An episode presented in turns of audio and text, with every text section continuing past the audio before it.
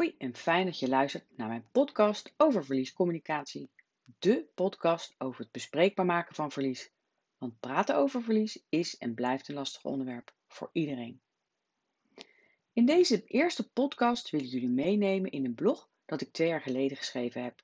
Over hoe je de decembermaand goed kan doorkomen als je een ingrijpend verlies hebt meegemaakt. Nu we met corona te dealen hebben, vind ik dat dit blog nog steeds een goed en passend is want december 2020 zal een bijzondere decembermaand worden, net als alle andere decembermaanden. Het blog heet Hoe je december goed doorkomt en komt al uit 2018. Hoe kom je december goed door, ondanks verlies of verdriet? En is december wel zo leuk? December. Ik vind het een lastige maand. Enerzijds geniet ik van de leuke, gezellige dingen samen met mijn liefjes nadenken over cadeaus en heerlijke menus maken. Ieder doet zijn eigen ding en ondertussen zijn we toch bij elkaar. Vooruitkijken naar het nieuwe jaar, naar wat gaat komen, nieuwe plannen maken en voortbouwen op wat er afgelopen jaar is ingezet. Aan de andere kant de melancholie. Wat is er allemaal gebeurd? De snelheid waarmee het jaar is voorbij gegaan. De mensen die er ook dit jaar weer niet bij zijn. Het ouder worden van iedereen. Dat maakt december een maand van uiterste en terwijl alle media stevig op je gevoel spelen. Je bent lang niet de enige. Ik ben niet de enige met deze gemengde gevoelens. Voor heel veel mensen is de decembermaand helemaal niet zo leuk of gezellig. Door allerlei ingrijpende verliezen kunnen zij niet genieten van alle feestelijkheden. Door het overlijden van een dierbare zit je ineens alleen aan de feestdis. Of door een reorganisatie op het werk is het komende jaar niet meer zo zeker of je nog wel een baan of inkomen hebt. Door een scheiding van je ouders moet er nagedacht worden over wanneer en bij wie en met wie er iets gevierd gaat worden. Of word je herinnerd aan eerdere ingrijpende gebeurtenissen. Tuurlijk is het niet allemaal somberheid en verdriet, maar het is er wel. Aandacht hebben voor beide uitersten. Je bewust worden van wat er nu is, stilstaan en voelen wat voor jezelf op dat moment het belangrijkste is, maakt die decembermaand bijzonder. Terugkijken op wat er is.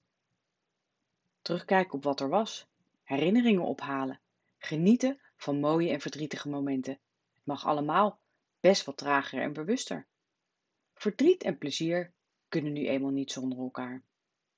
Realiseer je dat wat aandacht vraagt ook echt aandacht nodig heeft om uiteindelijk evenwichtig het nieuwe jaar in te kunnen. Onderzoek bij jezelf waar jij behoefte aan hebt. Voel wat je wil en handel daarnaar. Dat kan betekenen dat je misschien wel iets moet doen waar je op dat moment helemaal geen zin in hebt. Bijvoorbeeld jezelf ergens uitnodigen omdat je niet alleen wil zijn. Of juist zeggen dat je dit jaar niet meedoet. Maak het jezelf zo aangenaam mogelijk en kijk wat je dan wel nodig hebt om op de dag of de avond door te komen. Eten wat jij wilt, Netflixen in je huispak of gewoon vroeg naar bed. En neem er van mij aan dat het allemaal niet zo makkelijk is als dat het klinkt. Bespreek met je familie, je gezin of vrienden waar je last van hebt. Je gedrag en je non-verbale signalen laten toch feilloos wel zien dat er iets bij je speelt. En als jij het niet zegt, dan snappen zij niet wat er aan de hand is. En dit heeft zeker effect voor de sfeer. Wees lief voor jezelf, dan ben je dat ook voor de anderen en straal je dat uit. Vooral in deze maand is het, is het belangrijk dat je stilstaat bij dat wat er is. Doe wat voor jou goed voelt, zodat je in januari terug kan kijken naar een voor jou geslaagde decembermaand. Koester dit positieve gevoel en neem het mee in het nieuwe jaar.